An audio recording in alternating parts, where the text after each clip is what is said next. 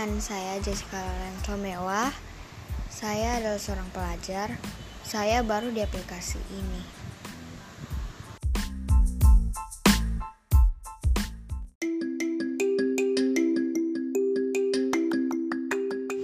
Halo guys, eh, dengan saya Jessica Lorenzo Mewah.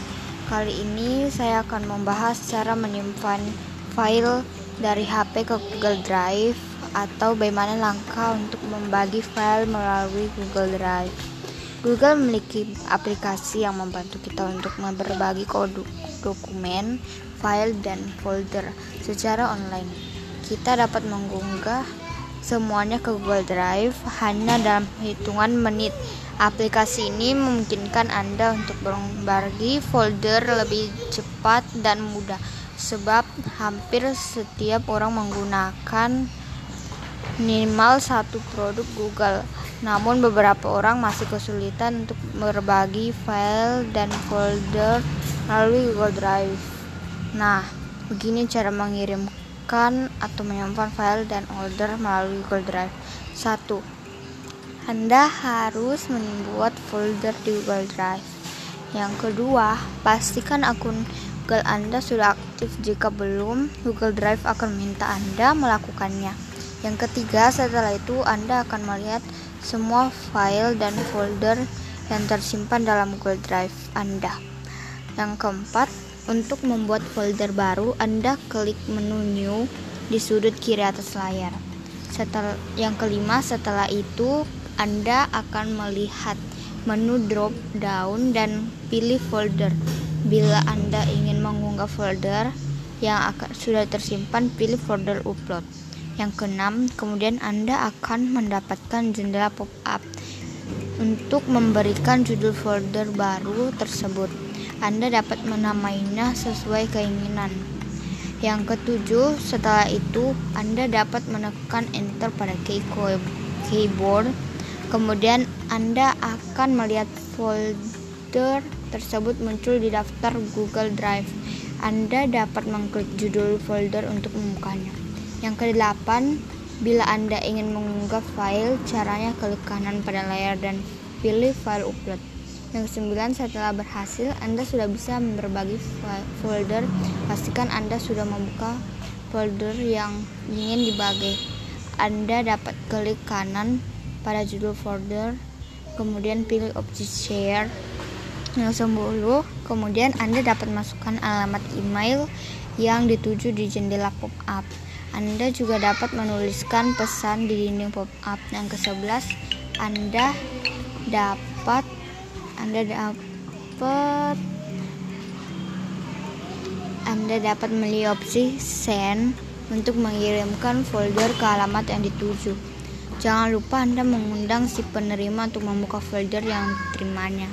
Bila Anda lebih suka membagikan folder secara langsung melalui pesan teks, anda bisa mendapatkan URL dengan cara klik Get Share Able Link. Di sudut kanan atas Anda dapat menyalin alamat URL tersebut dan kirimkan ke alamat yang dituju. Anda juga harus menetapkan izin berbagi file yang tepat agar file tetap aman. Caranya Anda dapat mengatur opsi Get Shareable Link untuk si penerima. Anda dapat mengatur apakah si penerima hanya bisa melihat atau mengedit konten dalamnya. Itu saja demikian, terima kasih.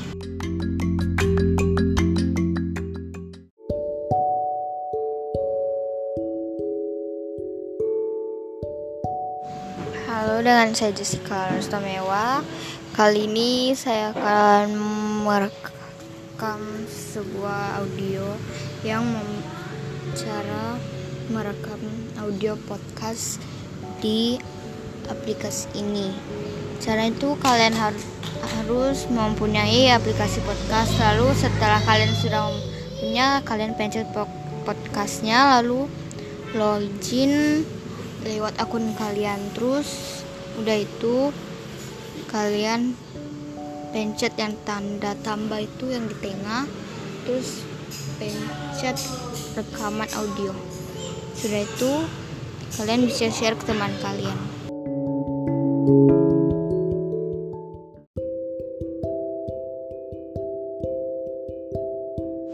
Halo teman-teman, kali ini saya akan bercerita tentang biografi Nyonya Manner.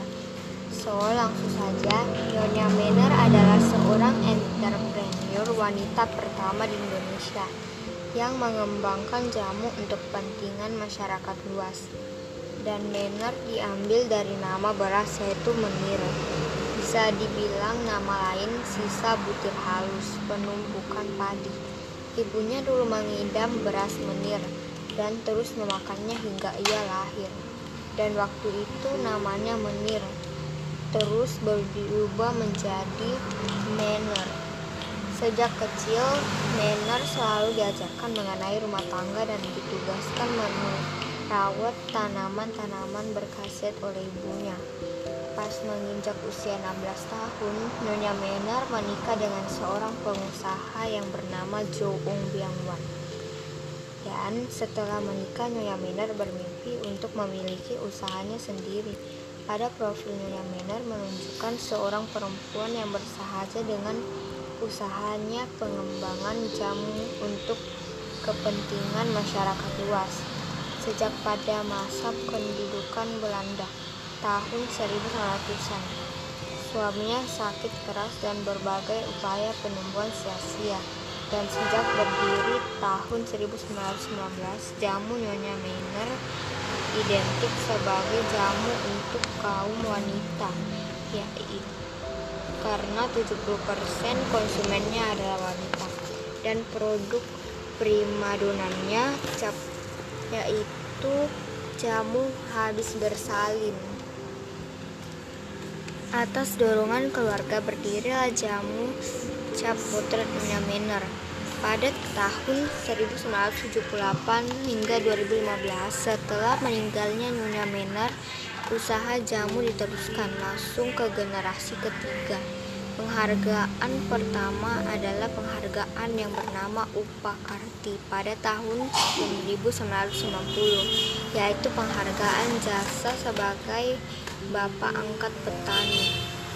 Penghargaan kedua adalah penghargaan bias yang bernama Biasana Bakti Pradana tahun 1990 yaitu pelapor dalam pengembangan petani. Dari cerita ini, orang yang sukses adalah Nyonya Manor.